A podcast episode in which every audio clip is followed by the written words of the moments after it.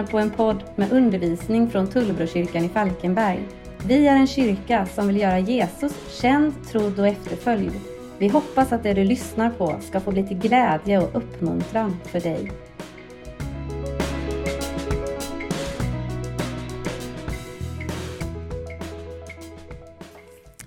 Senast när jag predikade för eh, ett par veckor sedan så läste vi Apostlagärningarnas eh, tredje kapitel tillsammans, eller delar av det ska jag säga. Eh, och där berättas det om hur Petrus och Johannes tillsammans beger sig upp till templet för att be. Och och det texten handlade om, det var hur den helige ande grep in i en förlamad mans liv och helade honom och upprättade honom och hans liv. Och idag på självaste pingstdagen så känns det ju liksom extra passande att knyta an till samma textsammanhang eller till det som faktiskt sker efter det vi läste då. Eh, så leta gärna fram en bibel om du har det eh, i, runt omkring dig och slå upp Apostlagärningarnas tredje kapitel. Dag ut och dag in så hade den förlamade mannen suttit där vid den mäktigaste och finaste av alla portarna i Jerusalem. Och den där mannen han var fullständigt utelämnad till andra människors omsorg och goda vilja. Men plötsligt så tog allting en, en, en snabb vändning i hans liv.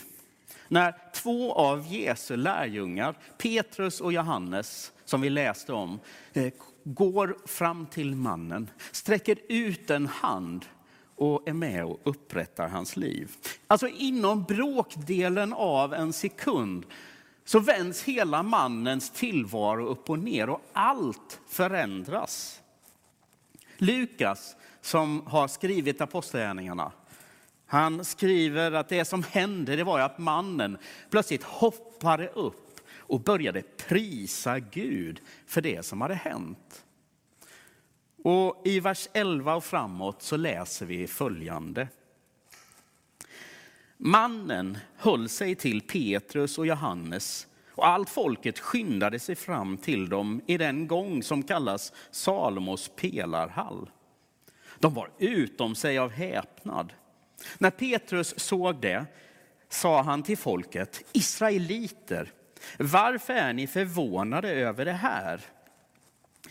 Och varför stirrar ni på oss? Som om vi av egen kraft eller fromhet hade gjort att han kan gå.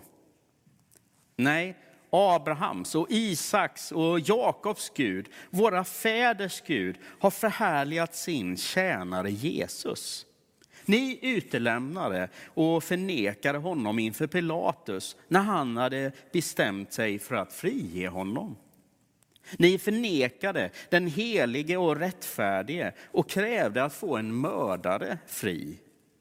Livets förste dödade ni, men Gud har uppväckt honom från de döda. Det är vi vittnen till. Och genom tron på hans namn har det namnet gett styrka åt denne man som ni ser och känner.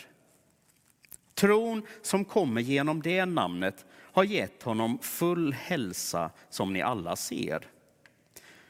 Nu vet jag bröder att varken ni eller era ledare visste vad ni gjorde. Men Gud har med detta uppfyllt det som han har förutsagt genom alla sina profeter, att hans Messias skulle lida.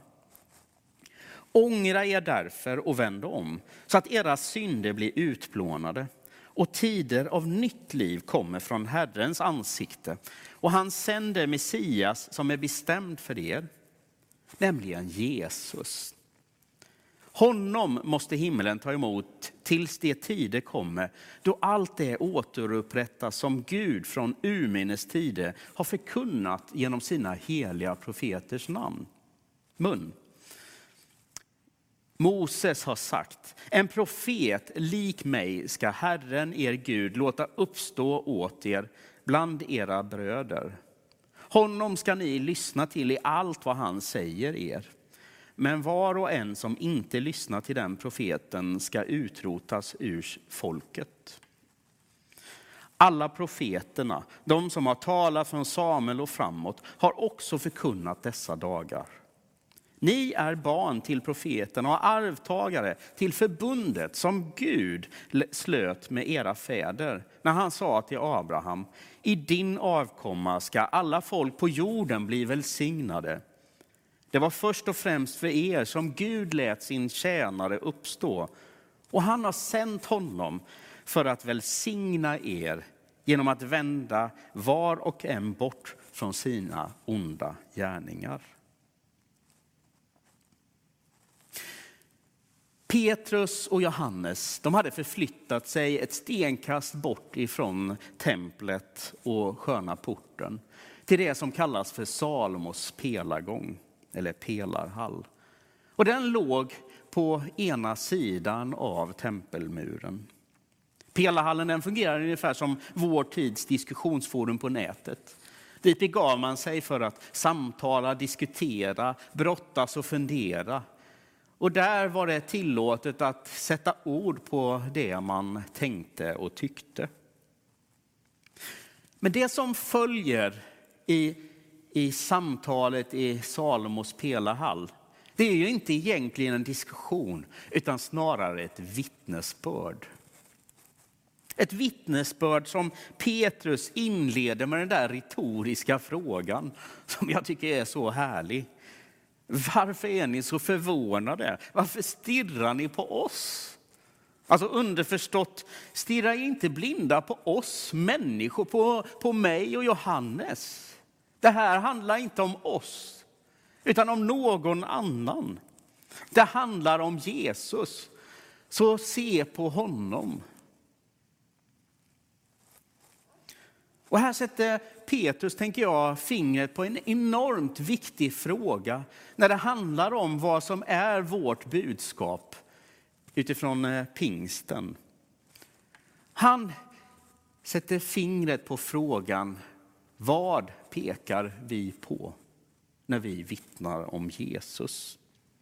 Vad är det vi vittnar om egentligen? En del som man hör vittna om sin tro kanske hellre ibland pratar om sig själva, sin egen förträfflighet, eh, sina egna bedrifter och så vidare. Men vi har ju inte fått den helige ande för att allt strålkastarljus skulle falla över våra liv. Utan för att det som vittnas om är någonting helt annat än oss. Så om Petrus nu då inte vittnar om sig själv vad är det då egentligen han talar om? Vilket är hans budskap till de som fanns där i pelarhallen den där dagen? Och vad kan du och jag göra med det? Ja, en sak som slår mig när jag läser den här texten, det är att det var ju, hade ju varit busenkelt för Petrus vid det här laget att, att börja berätta om den helige ande, som han hade fått möta på ett så mäktigt sätt bara kort där innan. När det var som om flammor av eld över deras huvuden. När de började tala främmande språk. Och när han precis har fått upprätta en man som har varit förlamad sedan födseln för över 40 år sedan.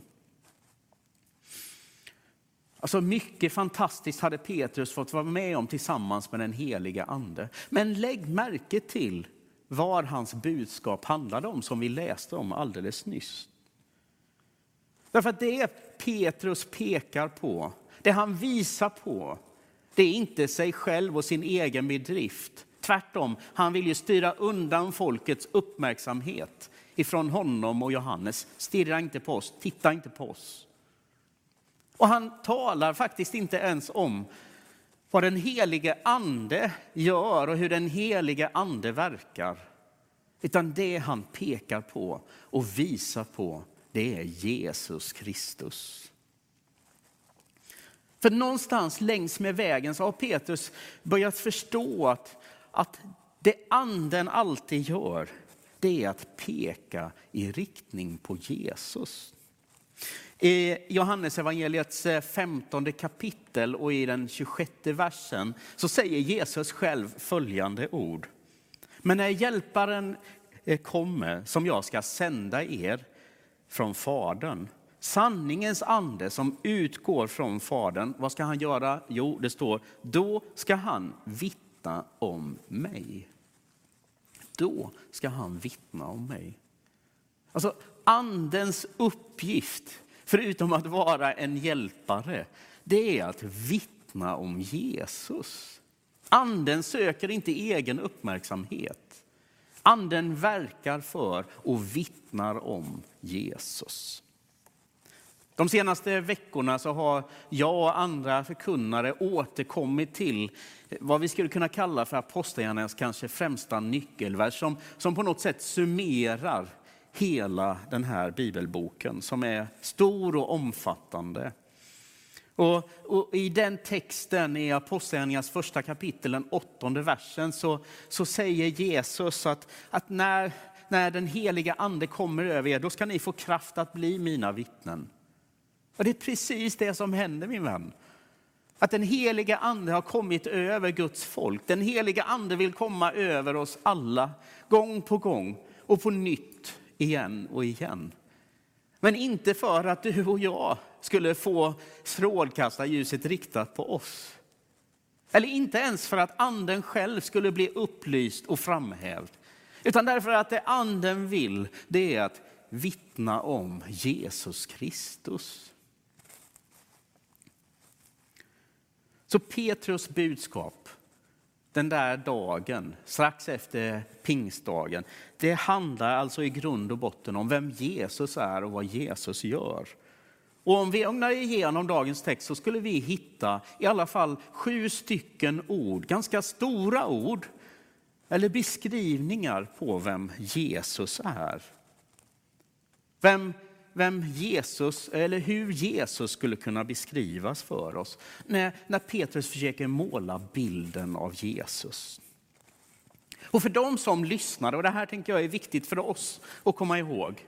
För en del av de här orden kanske vi inte använder, men för de som lyssnade så var det ord som man inte saknade referensramar till, utan tvärtom ord som man lätt kunde relatera till på grund av sin eh, liksom, tillhörighet till den judiska kulturen. I vers 13, det första ordet, så talas det om att Jesus är förhärligad. Det här syftar tillbaks på den, den, det tillfälle när Jesus går upp på ett högt berg tillsammans med Petrus, Jakob och Johannes. Och där får de vara med om att inför sina egna ögon se hur Jesus blir förklarad eller förhärligad. Det vill säga hur de fick med egna ögon se ännu mer av vem han är. Att de fick se honom för den han verkligen är. Jesus Kristus, Guds son. Guds utvalde som vi ska lyssna på. Det var ju det som hände på förklaringsberget. Och det är det som, som Petrus syftar på i vers 13 när han talar om att Jesus den förhärligade. Och sen fortsätter han i den 14 versen och talar om Jesus som, eller i den 13 versen och talar om Jesus som tjänaren. Och det slog mig än en gång i veckan när jag satt och läste de här orden, hur underbart det är för i förhållande till alla andra religioner och livsåskådningar så är Jesus inte någon som förväntar sig att bli betjänad. Vår Gud är inte en Gud som förväntar sig att bli betjänad genom att vi kastar oss ner. Utan det Gud sände till oss, Jesus, han var en tjänare. En tjänare för din och min skull. Och det främsta och yttersta tecknet på det är förstås det som sker på, påsk, på påsken, på långfredagen, när han dog på ett kors. Och på så vis blev en tjänare för oss var och en. När han tog den plats som vi inte kan fylla upp. I vers 14 så, så sätter Petrus ord på att han också är den helige. I vår tid så är det ju som att helighet är liksom nästan bortspolat. Alltså vad är det att vara heligt? Inte ens livet är knappt heligt längre för oss. Men Hebreerbrevets författare fångar upp det där med heligheten och, och skriver i Hebreerbrevets sjunde kapitel att, att det var en sådan överstepräst, alltså som Jesus, vi behövde. En som är helig, oskyldig, obefläckad, skild från syndare och upphöjd över himlarna. Alltså det är precis vad helighet handlar om. Att vara oskyldig, obefläckad, att vara skild ifrån någonting annat och att vara upphöjd. Och det är Jesus. I vers 14 så fortsätter det sen och talar om och anknyter till det här med heligheten. Där det handlar om att han också är rättfärdig. Folket de begärde att mördaren som var orättfärdig skulle utelämnas. Men Petrus han talar om att Jesus är den rättfärdige. Alltså den som har det rätt ställt med Fadern i himmelen. Därför att han var fri ifrån synd. Och på grund av den rättfärdigheten, och det är underbara nyheter, så kan du och jag bli rättfärdiga i Guds ögon. Inte på grund av att vi anstränger oss mer, utan på grund av Jesus. Sen fortsätter det i den femtonde versen där det talas om att han är, han som blev dödad, han är livets förste. Han har herradömet, herraväldet över till och med döden. Därför att döden kunde inte hålla honom tillbaks. Även döden besegrar han genom sin uppståndelse. Och i vers 18 så handlar det om Messias. Alltså den som Gud på förhand hade utlovat att han skulle sända till världen för att bli en kung ibland världens folk. Sen var ju bara problemet att det judiska folket de förväntade sig en, en kung i världslig mening som skulle återetablera folket och nationen Israel. Och det de hade missat det var att det Jesus kom för att göra, det var inte att förnya en enskild liten stat, nation, utan för att etablera sitt rike, Guds rike här på jorden. Den sista av eh, versarna den eh, handlar om att eh, Jesus, han var profeten. Profeten. Och precis som Gamla testamentets texter hade talat om redan på förhand så skulle Gud sända profeten. Inte en profet som vissa religioner och livsåskådningar lär ut, som islam till exempel håller för sant utan profeten med stort P. Och det, det Petrus vill göra det är att visa någonstans att, att det hör ihop. Att den Jesus som ni såg här ibland oss, det är samma Jesus som vi också läser om i Gamla testamentets utsagor. Det finns liksom en fortsättning. Jag vet inte om du har ritat någon gång en sån där, eh, jag vet inte vad det heter på svenska, men connecting the dots heter det på engelska. Ni vet när det är flera stycken olika punkter på ett papper och så sitter det bara siffror och så är utmaningen att följa med pennan längs med siffrorna. Ibland så kan man faktiskt se liksom motivet men ibland så är det lite diffust och otydligt. Och det Petrus gör här genom de här stora orden, det är att sätta ord på vem Jesus är. För att liksom hjälpa dem och oss att på något sätt koppla samman de olika sakerna. För att bilden för oss skulle bli ännu tydligare. Och även om vi på pingstdagen påminner oss om den heliga ande, så vittnar ju dagens text på ett tydligt sätt om att det anden gör, det är att skicka vidare till Jesus. Det anden vill göra genom sin verksamhet, det är att, att göra bilden ännu tydligare för oss av vem Jesus är.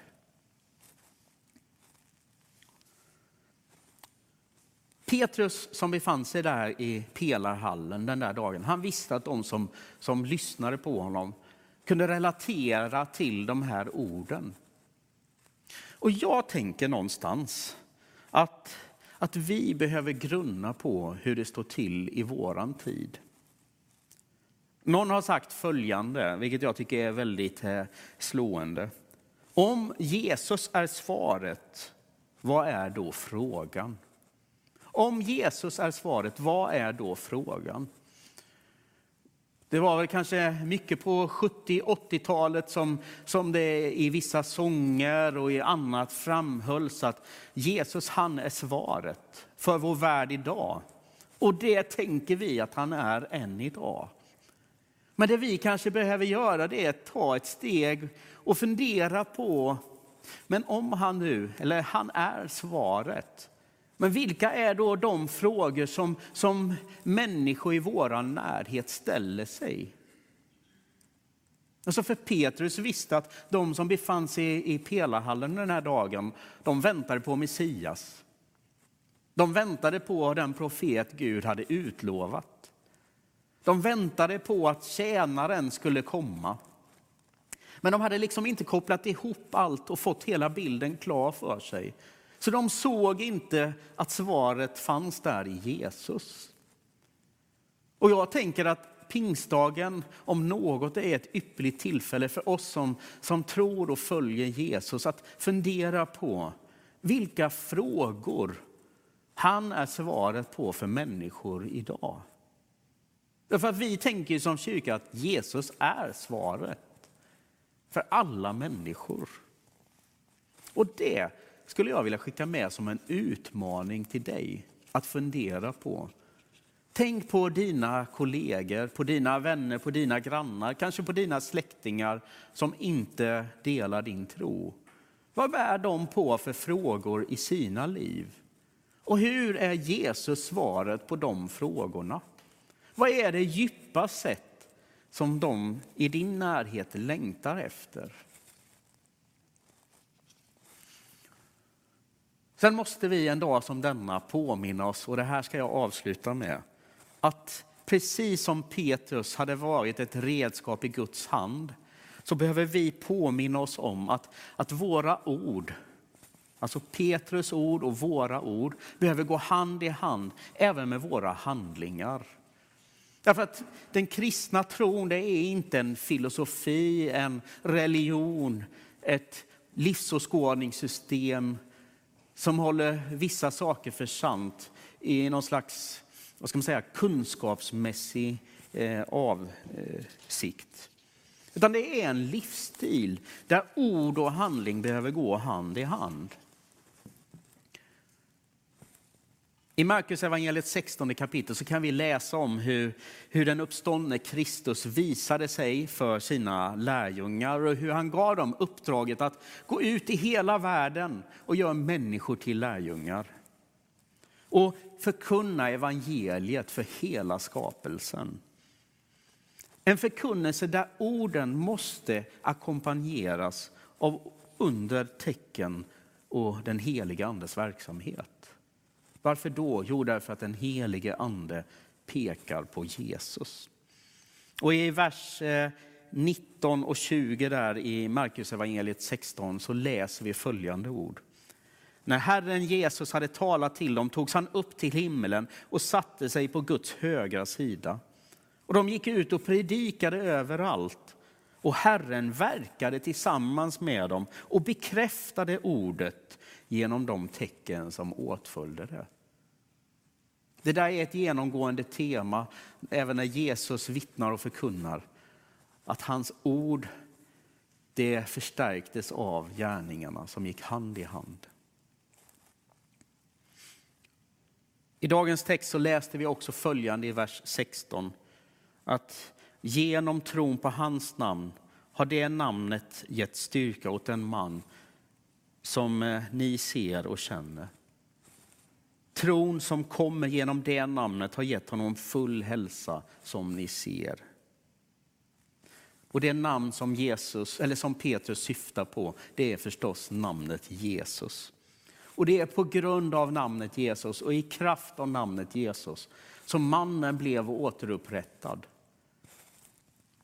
Både i fysisk bemärkelse genom att han fick kraft i sina leder, men också i andlig bemärkelse genom att han fick resa sig upp och prisa Gud.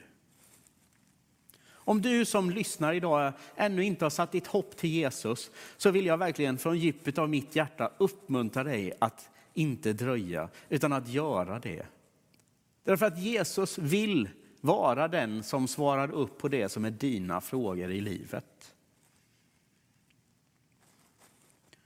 Om du sätter ditt hopp till honom så kan du få vara med och uppleva ett livsförvandlande möte som börjar här och nu, redan idag, men som också sträcker sig ända in i evigheten.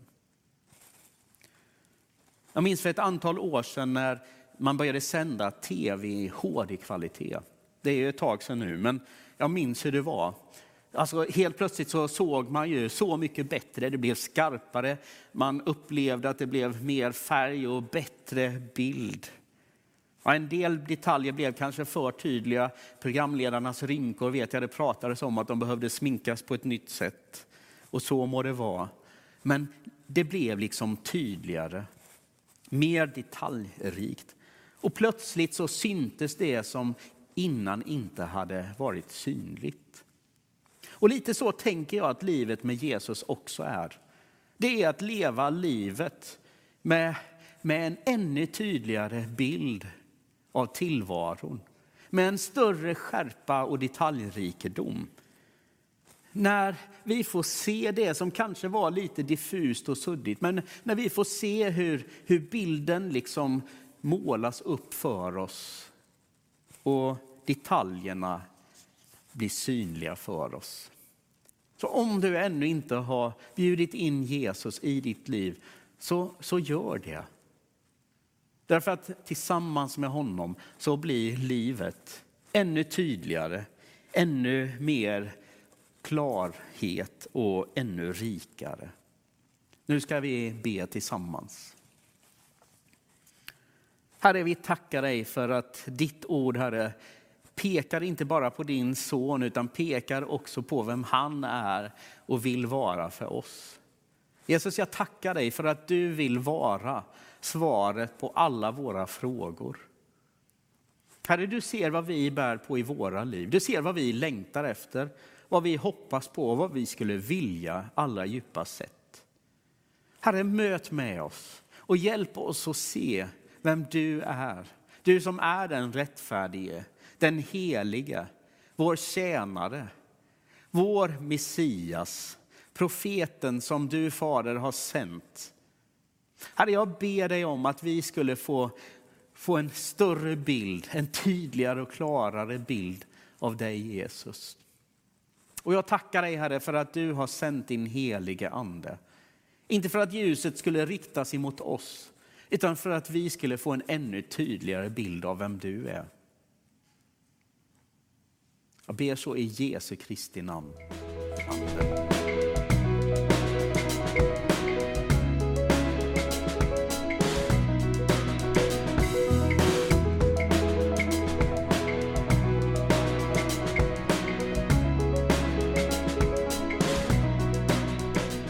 Du har lyssnat på en podd från Tullbrokyrkan.